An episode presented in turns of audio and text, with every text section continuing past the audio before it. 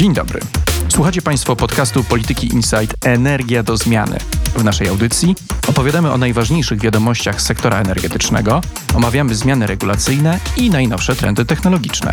Z naszymi gośćmi dyskutujemy o konwencjonalnych i odnawialnych źródłach energii oraz o polityce polskiej i europejskiej. Mierzymy się też z tematem zmian klimatycznych i tego, jak wpłyną one na nasze życie. Nazywam się Robert Tomaszewski i zapraszam na dzisiejszą audycję. Jest wtorek 15 grudnia. Cztery dni temu Rada Europejska zgodziła się podwyższyć unijny cel redukcji emisji gazów cieplarnianych na 2030 rok z 40 do 55%. Polska, mimo obaw wielu obserwatorów, nie zablokowała porozumienia, choć jego efektem będzie skok cen uprawnień do emisji CO2 i gwałtowne przyspieszenie dekarbonizacji. Z drugiej strony, rząd w Warszawie obiecuje, że kopalnie węgla będą działać jeszcze przez 30 lat i zabiega w Brukseli o zgodę na finansowanie ich z budżetu państwa. O rosnącym rozdźwięku między unijną polityką klimatyczną i polską polityką energetyczną, a także o tym, jak przyspieszająca transformacja wpłynie na górnictwo, opowie Karolina Baca-Pogorzelska, dziennikarka energetyczna serwisu biznesalert.pl. Dzień dobry. Dzień dobry, Karolino. Zacząłbym od omówienia tego ostatniego szczytu Rady Europejskiej, bo wydaje mi się on z wielu powodów absolutnie wyjątkowy. Ja cały czas mam w pamięci ten szczyt Rady Europejskiej sprzed roku, na którym to Polska jako jedyny kraj w Unii nie chciała podpisać się pod celem neutralności klimatycznej. Do dzisiaj jesteśmy tą samotną wyspą, która tego celu nie uznaje, jeżeli chodzi o Unię, mimo że Unia przyjęła ten cel i będzie on prawnie obowiązujący.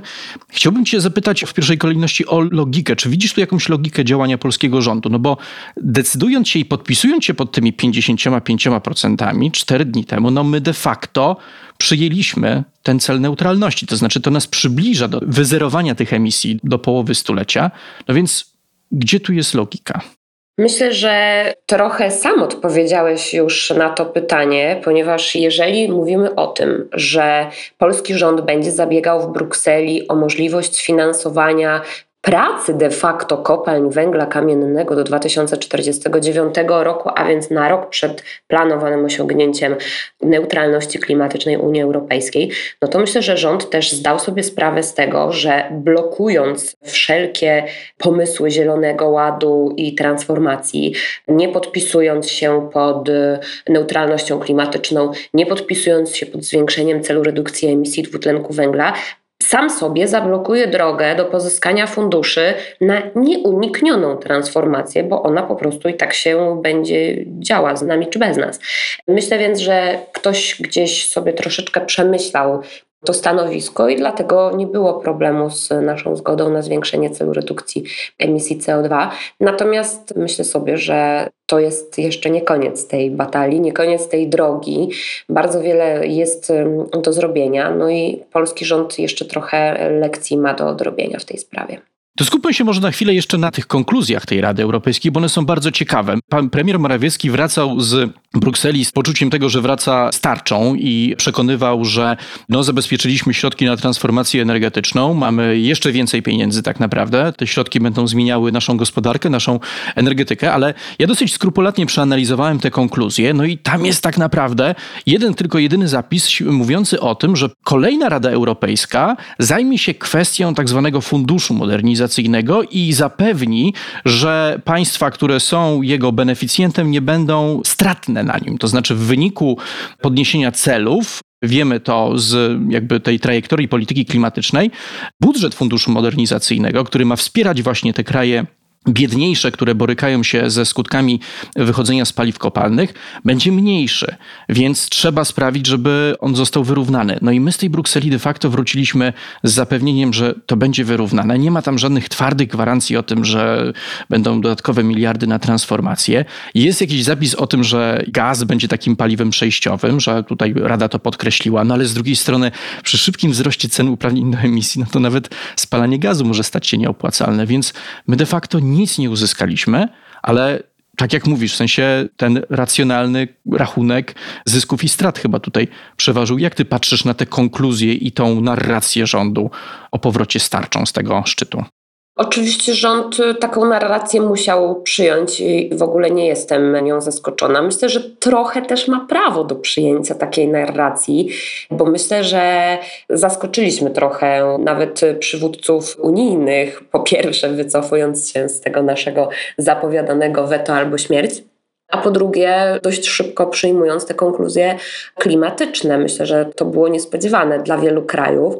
Masz rację, nie ma tam takich twardych liczb, twardych danych, ale ja myślę sobie, że trzeba tak zdroworozsądkowo i na chłodno to ocenić. W takim sensie, że jeżeli są te zapewnienia, że te kraje spalające paliwa kopalne nie będą stratne, to ja sobie myślę, że tak rzeczywiście będzie. I przekonała mnie do tego jedna z rozmów z prawnikami ostatnio, którzy mówią tak, no tak, no Unia może to niekoniecznie by chciała dać nam zielone światło na to zamykanie kopalń z pieniędzy polskich, z naszego budżetu, czyli zgody na pomoc publiczną, ale w sumie jak ona już nam dała tę zgodę kiedyś i zamykaliśmy za te pieniądze, a nie za pieniądze unijne, tylko za własne polskie i jeżeli my naprawdę zadeklarujemy, że my w tym 2049 roku pozamykamy te kopalnie węgla energetycznego, bo o nim głównie mówimy, to być może Unia chcąc raz na zawsze zakończyć dyskusję i problem spalania węgla kamiennego w energetyce po prostu da nam to zielone światło. I może rzeczywiście będzie tak, jak e, mówi rząd po tym ostatnim szczycie, że rzeczywiście nie będziemy na tym stratni. Ja nie chcę tutaj niczego przesądzać, żeby to było jasne i mówić, że tym należy wierzyć albo tym nie należy wierzyć. Tak jak powiedziałam, to są jeszcze ogromne lekcje do odrobienia i długa droga przed nami do osiągnięcia tych wszystkich ostatecznych porozumień, w którym będziemy na koniec dnia mieli te twarde liczby, tyle miliardów na to, tyle miliardów na to, ale ta praca jest do wykonania po obu stronach. Zanim jeszcze zapytam Cię o tą pomoc publiczną i jeszcze zagłębimy się w te meandry tych dyskusji pomiędzy Warszawą i Brukselą o zasadności wspierania kopalń z budżetu państwa i jak to się ostatecznie skończy. Ty sugerujesz, że tutaj może być jakiś kompromis ze strony Unii. Pytanie, czy to w tym kierunku pójdzie. To jeszcze chciałbym Cię podpytać o szczyt i jego konsekwencje dla górnictwa. To znaczy, jak te 55%, te podwyższenie tego celu redukcji emisji wpłynie nam na energetykę, no i na ten popyt na węgiel. I tutaj tylko przypomnę, że minister Soboń spodziewa się w przyszłym roku, że tylko w przyszłym roku popyt na węgiel energetyczny w sektorze wytwarzania prądu w Polsce spadnie o 7 milionów ton. A tu jeszcze mamy dodatkowe cele redukcji emisji, który de facto po prostu wyeliminuje nam to paliwo z wytwarzania w perspektywie dekady. Co się będzie działo z górnictwem?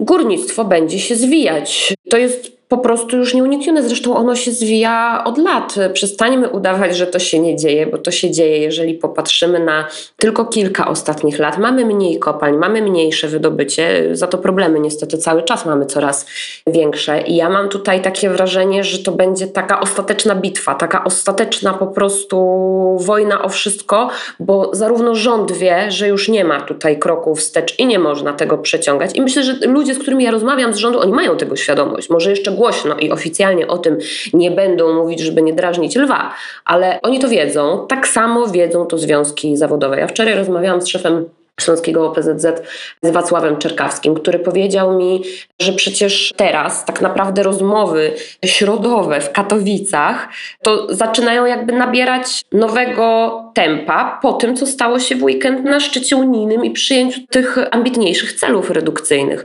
No właśnie, jak górnicy na to reagują? Jak... Są wściekli są wściekli i myślę, że dadzą upust tej swojej wściekłości. Ja tu nie mówię o jakichś kolejnych protestach, bo to myślę, że już nie tędy droga, ale już zaczęły się po prostu bardzo nerwowe ruchy. Ja słyszę o tym, że powstaje Komitet Obrony Kopalni Bielszowice, o której mówi się z kolei, że miałaby przyjść do Jastrzębskiej Spółki Węglowej, bo może tak ją się da uratować. Jastrzębska Spółka Węglowa nie chce o tym słyszeć, bo ona ma własne kopalnie, którymi musi się zająć i wszystko wskazuje na to, że ona nie będzie korzystała z tej pomocy publicznej dla kopalń, o której Dla górnictwa jest to wielki szok. Myślę, że to jest wielki szok, bo te 7 milionów ton, jak to wyliczyli mi wczoraj związkowcy, których nie odbierze energetyka, to de facto jest produkcja dwóch, trzech kopalń które co mają zrobić z tym węglem? Przecież my nie możemy eksportować węgla, bo znaczy nie możemy. Możemy oczywiście, moglibyśmy, gdyby nie był tak strasznie drogi. I trzeba jasno tutaj powiedzieć, niestety, że te 7 milionów ton, o których wspomniałeś, których energetyka nie będzie potrzebowała w przyszłym roku,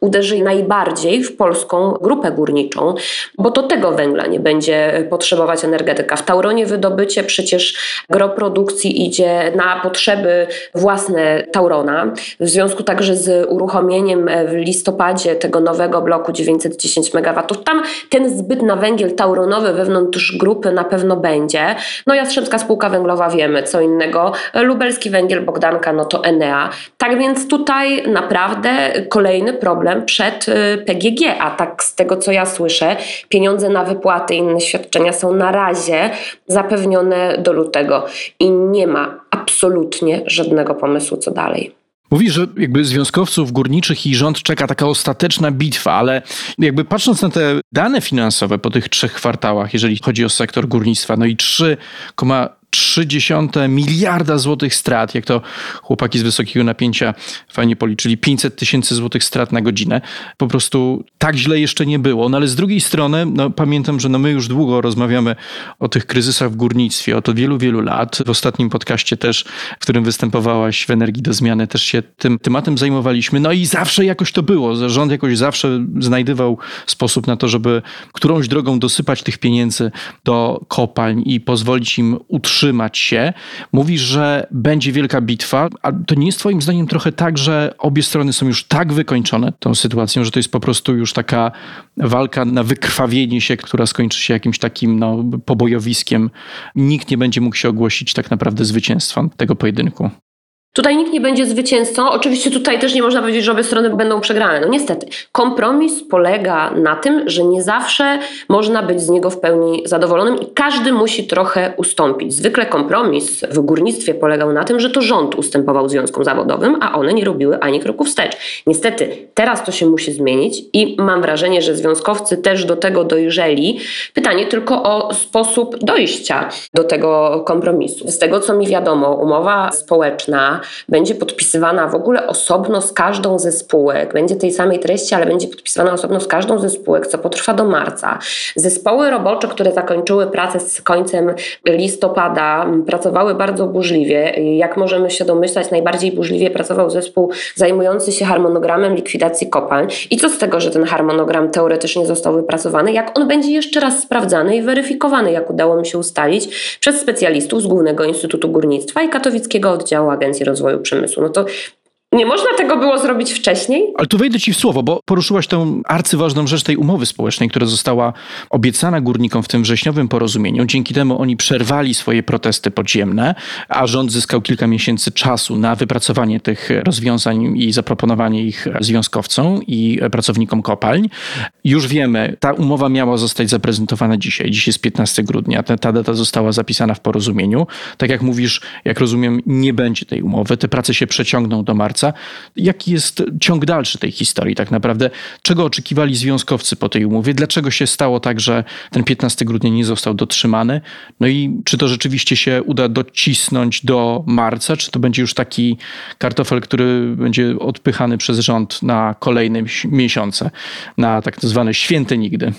Nie ma na to czasu, nie ma na to czasu, bo ten dokument jest podstawą teoretycznie przynajmniej do rozmów z Brukselą na temat wspomnianej już przez nas pomocy publicznej. Dlatego nie ma możliwości przeciągania tego w nieskończoność, bo zabraknie pieniędzy. Tak jak wspomniałam, w PGG na dzisiaj mamy pieniędzy do wypłaty do lutego, tak? W związku z tym przeciąganie tej liny nie ma sensu już dla żadnej ze stron. Natomiast z tego, co mi wiadomo, Ministerstwo Aktywów Państwowych zorientowało się, jak bardzo trudny będzie proces notyfikacji tej pomocy dla kopalń i jak bardzo wielu dokumentów i przygotowań będzie wymagał. W związku z tym ten czas po prostu jest jeszcze potrzebny, powiedzmy, do tego marca, żeby też przygotować odpowiednio wnioski i dokumenty do Komisji Europejskiej, żeby nie okazało się, że my tutaj pospieszyliśmy się, wysyłamy jakieś dokumenty, a Bruksela nam mówi, no słuchajcie, ale brakuje tego, tego, tego. Być może również z tego wynika decyzja resortu o tym, by jeszcze raz przeanalizować bardzo dokładnie właśnie przez GIG i ARP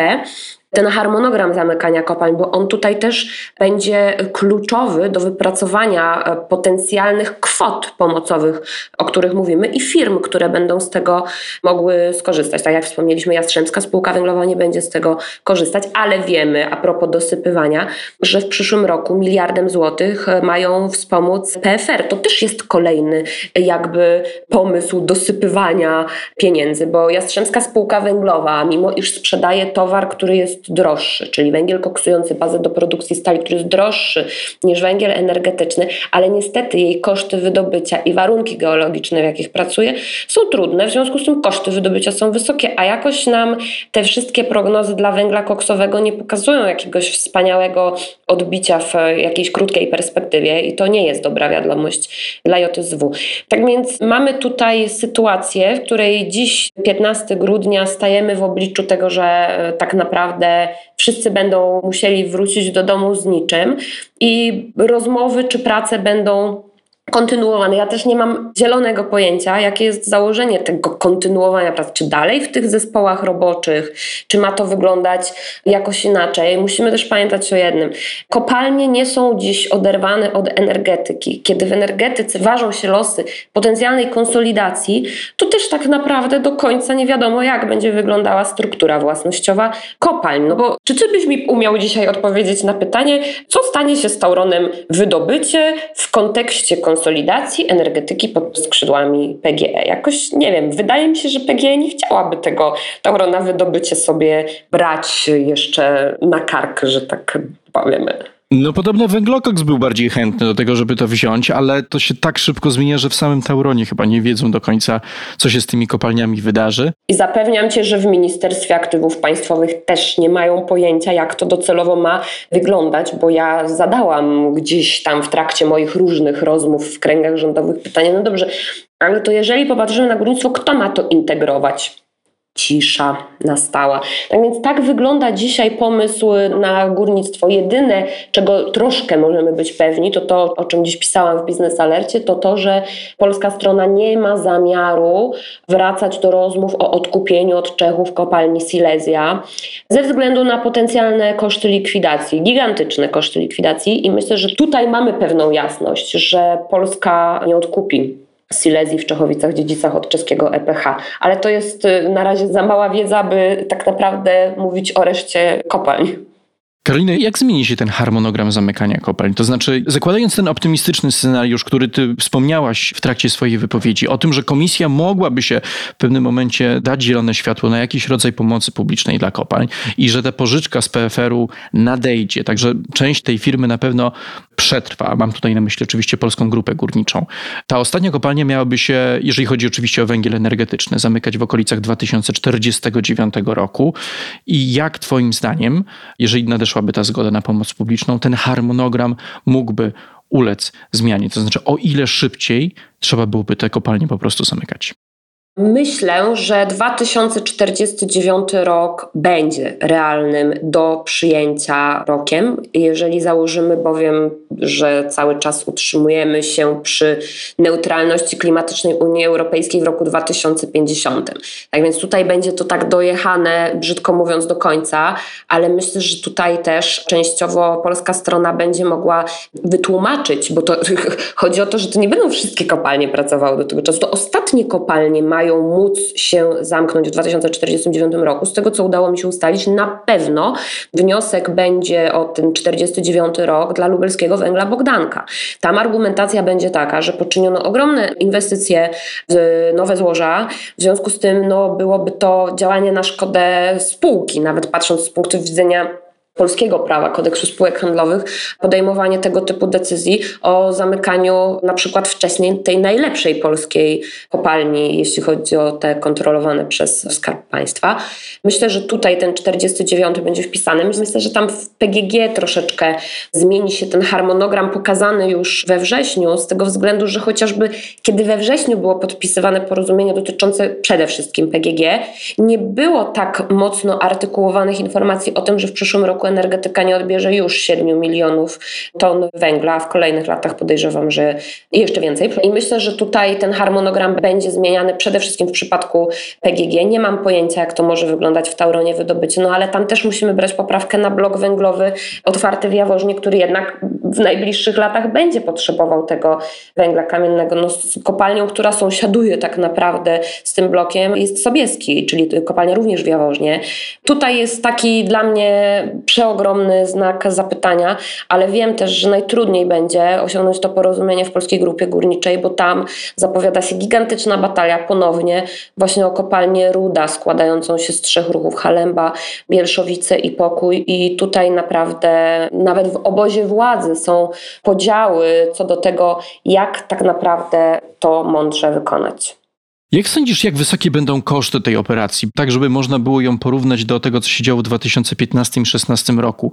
Bo z jednej strony mamy, wczoraj w wykazie prac pojawiła się zapowiedź nowelizacji ustawy o prawie energetycznym, która ma znieść obligo elektryczne na towarowej giełdzie energii. Chodzi generalnie o to, by elektrownie mogły zawierać kontrakty dwustronne między odbiorcami i sobą, a nie sprzedawać wszystkiego przez giełdę, po to, żeby te ceny dla nich były też wyższe, co w opinii rządu ma doprowadzić do tego, że elektrownie będą spalały więcej węgla, mniejszy będzie import energii elektrycznej, no i większy będzie też popyt na ten surowiec. Do tego ma być nowelizowana ustawa o funkcjonowaniu górnictwa węgla kamiennego, która pozwoli też rządowi dosypać więcej pieniędzy na zamykanie kopalń i rozciągnie możliwość przekazania takiej pomocy na kolejne lata, bodajże do 2027 roku. To oczywiście będzie wymagało zielonego światła ze strony Komisji Europejskiej, ale jakby widać ze strony rządu już takie działania czysto legislacyjne, które mają przygotować ten grunt pod ratunek, ale kto jakby poniesie koszty? No bo z jednej strony mamy obligo, z drugiej strony pamiętamy też cały czas tą sytuację sprzed pięciu lat, kiedy to energetyka po prostu złożyła się na ratowanie wtedy kompanii węglowej, która została przemianowana na Polską Grupę Górniczą. Teraz już tak się nie może wydarzyć, bo energetyka sama jest w potężnych tarapatach. Więc jaką cenę jest w stanie zapłacić nasz rząd, by uspokoić nastroje na Śląsku i jakby przeprowadzić ten proces zmian w górnictwie w sposób uporządkowany. Czy to będzie takie próba zasypania pieniędzmi, która będzie jakoś tak no, mitygowana przez Brukselę, czy jakimiś takimi ścieżkami właśnie zmiany prawa, które no, niekoniecznie musi być dobre dla innych sektorów. No, pamiętajmy, że zniesienie obliga no, to jest też mniej transparentny rynek energii, generalnie wyższe ceny dla nas wszystkich ostatecznie. Więc jak sądzisz, jak daleko jest w stanie się posunąć rząd w tych kosztach i ich przerzucaniu na inne podmioty, w tym nas, odbiorców, żeby ten sektor jakoś uratować? Myślę, że powinniśmy sprawdzić, ile pieniędzy ma jeszcze PKN Orlen. A tak e, zupełnie poważnie, sama przypominam sobie dyskusję o obligu giełdowym, kiedy wprowadzano stuprocentowe po to, żeby nas chronić przed podwyżkami cen energii elektrycznej. Dzisiaj, kiedy te... I to Krzysztof Tchórzewski argumentował, ówczesny minister energii, że to jest konieczne. Prawda? I wprowadzano to stuprocentowe obligo po to, żeby wprowadzić jakąś ochronę także gospodarstw domowych, gdzie rynek jest regulowany. Dzisiaj już wiemy, że przecież mimo regulacji rynku i w ubiegłym roku, i w tym roku prezes URE zatwierdził wyższe taryfy dla gospodarstw domowych. Oczywiście ta część rynku gospodarstw domowych też już jest w dużej mierze nieregulowana, o czym pewnie nie jeden konsument prądu nawet nie wie, że może nie podlegać pod taryfy, ale zostawmy to.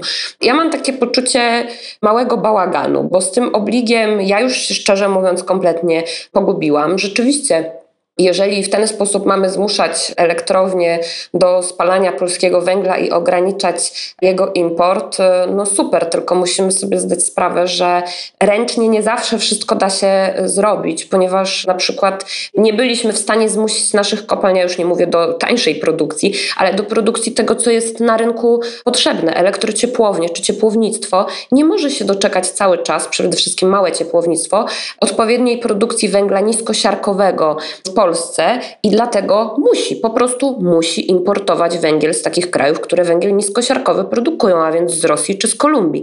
I tutaj żadne legislacje tego akurat nie zmienią, bo my takiego węgla mieć nie będziemy, a przecież to w tę stronę można było również pójść, inwestując w odpowiednie systemy w zakładach przeróbki mechanicznej węgla i wzbogacania węgla. Więc to jest naprawdę dłuższa historia lat zaniedbań, ale te koszty bardzo prosto będą przerzucone na nas. Jeżeli one nie będą na nas przerzucone w naszej taryfie, która będzie cały czas jeszcze pewnie zatwierdzana przez prezesa Urzędu Regulacji Energetyki, no to tam, gdzie rynek jest wolny, czy w usługach, czy w przemyśle, przecież my po prostu z innego portfela zapłacimy więcej. Tak więc odpowiedź na Twoje pytanie może być tylko jedna.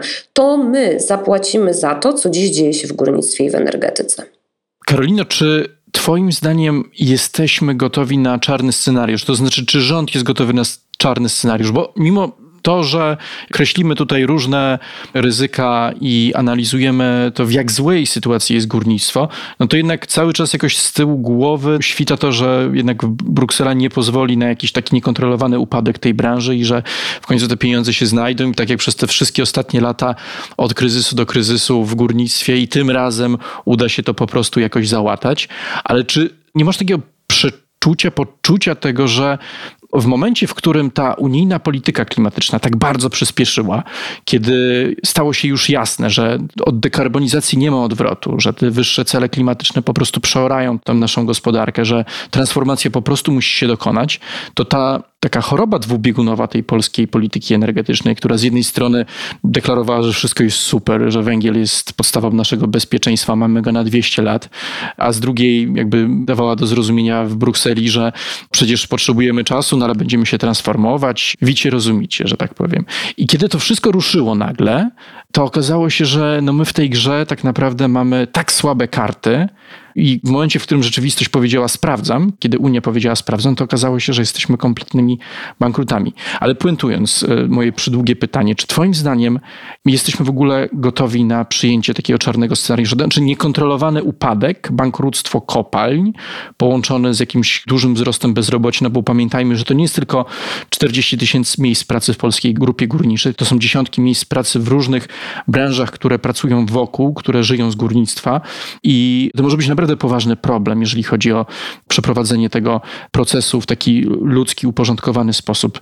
Czy sądzisz, że teraz po tych tylu latach cyklicznych kryzysów i takich perspektywach, jakie mamy z Unii, jeżeli chodzi o możliwość finansowania naszej transformacji, czyli przypomnijmy 29 miliardów euro w ciągu najbliższych siedmiu lat, czy to wystarczy, czy jednak cały czas nie jesteśmy gotowi? Nie jesteśmy na pewno gotowi na niekontrolowany upadek polskiego górnictwa, ale ja takiego scenariusza dla całej branży nie przewiduję i nie widzę, bo to skończyłoby się niebywałym skandalem po prostu na arenie międzynarodowej. Wydaje mi się, że nikt tego również by nie chciał. Ja myślę, że również Unia Europejska, dążąc do tego, żebyśmy te kopalnie w końcu pozamykali, nie występuje przeciwko pracownikom tych kopalń i nie chce im zrobić krzywdy. To też nie na tym ma polegać, że my mamy wziąć 81 tysięcy ludzi pracujących w kopalniach węgla kamiennego i z dnia na dzień wywalić ich na bruk. Ja myślę, że każdy też sobie zdaje sprawę z tego, jak zamykane było Zagłębie Wałbrzyskie i jak tragicznie to się potem skończyło dla tego regionu. Nikt na to nie chce pozwolić. Ja tak przynajmniej to rozumiem. Natomiast tutaj potrzeba konkretów, bo patrzę sobie oczywiście i to jest nasz problem. My cały czas nie mamy zatwierdzonej polityki energetycznej państwa do 2040 roku, a więc określonego miksu energetycznego w jasny i prosty sposób, bo ja nie umiem odpowiedzieć na pytanie, czy my będziemy ten atom jednak mieć w 36, czy nie, szczerze mówiąc, a jeśli tak, to ile. Natomiast tam zostały w założeniach PEP 240 takie stwierdzenia, że na Śląsku powstanie 300 tysięcy nowych miejsc pracy w związku z, tam z pozyskaniem pieniędzy z Funduszu Sprawiedliwej Transformacji i tak dalej, i tak dalej, i z wielu tych funduszy unijnych. No fajnie, to brzmi super, ale z górnikami nie można w ten sposób rozmawiać. Jeżeli my chcemy im powiedzieć, że właśnie im zamykamy kopalnię, to my nie możemy im przyjść i powiedzieć, cześć chłopaki, zamykamy wam kopalnię, koniec, kropka, tylko musimy im powiedzieć, zamykamy wam kopalnię, ale w zamian za to dostajecie to, to, to. Ja już nie mówię o samych osłonach socjalnych, o ewentualnych odprawach, bo to już mamy przerobione. Od pięciu lat przecież PiS y, zamykał kopalnie, płacił y, urlopy górnicze i jakby tutaj sprawa jest przetestowana, wiemy jak to się robi. Ale jeżeli chcemy naprawdę zamknąć kopalnię i powiedzieć po prostu, no dobra, to teraz musimy coś zmienić, to same liczby nie wystarczą. Tu trzeba konkretne informacje. Na przykład będziecie mogli dostać kredyty preferencyjne na to i na to. Będziecie mogli dostać przeszkolenie na to i na to. Mam nadzieję, że nie na florystów, jak e, robiono to w przypadku stoczniowców. Albo na przykład, skoro decydujemy się na budowę morskich farm wiatrowych, to na przykład możemy dać Wam preferencyjny kredyt na zakup mieszkania w Gdyni, w Gdańsku, a Wy możecie pójść do takiej, takiej, takiej pracy tam. My musimy pamiętać, że w kopalniach to nie tak, że pracują sobie po prostu górnicy i gór to jest taki po prostu górnik. To jest bardzo często świetny specjalista, elektryk, ślusarz, spawacz i ci ludzie naprawdę w tej całej transformacji energetycznej i ich doświadczenie może odegrać ogromną rolę. Ja mam cały czas pretensje o to, że takie rozmowy nie są prowadzone. Im trzeba też konkretnie powiedzieć, ok, no to na Śląsku powstanie, nie wiem, fabryka samochodów elektrycznych Izera, która będzie zlokalizowana tu i tu, a tyle i tyle osób będzie mogło tu pracować. Zrobimy tak, tak, tak. Będziecie mieć takie, takie, takie możliwości. Jeżeli górnicy tego nie usłyszą, no to proszę się im nie dziwić, że oni się denerwują. No każdy z nas w takiej sytuacji by się denerwował, nie umiejąc w żaden sposób określić swojej przyszłości. Jeżeli do takich rozmów dojdzie, to nawet wracając do Twojego pytania o czarny scenariusz, jeżeli to byłby niekontrolowany upadek, oczywiście te koszty i tak zamykania kopalń, przecież Polska musiałaby ponieść, ja mam na myśli nawet te techniczne, czyli te procesy odwadniania i tak dalej, które trzeba prowadzić. No niestety, to będą miliardy złotych, które budżet musi po prostu znaleźć, ale z tymi ludźmi należałoby po prostu poważnie rozmawiać. A ja mam wrażenie, patrząc na to, co dzieje się z ustawą offshore'ową, że my wszystko sobie tak po prostu pięknie bagatelizujemy, że tylko potem siąść i powiedzieć, ojej, jaka piękna katastrofa. No i miejmy nadzieję, że ten cały kryzys taką piękną katastrofą się jednak nie skończy i znajdziemy jakąś drogę, żeby w sposób sprawiedliwy tą transformację również górnictwa przeprowadzić. Karolino, bardzo dziękuję Ci za rozmowę. Bardzo dziękuję. A ja chciałbym jeszcze Państwa serdecznie zaprosić na jutrzejszą debatę Polityki Insight i European Climate Foundation o tym, jak mądrze wydać 57 miliardów euro, czyli o perspektywach wydatkowania środków z Krajowego Planu Odbudowy i wyzwaniach z tym związanych. Link do rejestracji na naszym wydarzeniu znajdziecie Państwo w opisie do podcastu Energia do Zmiany. Serdecznie zapraszam. Na dziś to wszystko. Na kolejny odcinek Energii do Zmiany zapraszam w przyszłym tygodniu. A zanim się ponownie spotkamy, posłuchajcie naszych innych audycji, które znajdziecie w najważniejszych serwisach, m.in. Spotify, Apple Podcast, Google Podcast i na SoundCloudzie. W pole wyszukiwania wpiszcie po prostu Polityka Insight. Do usłyszenia.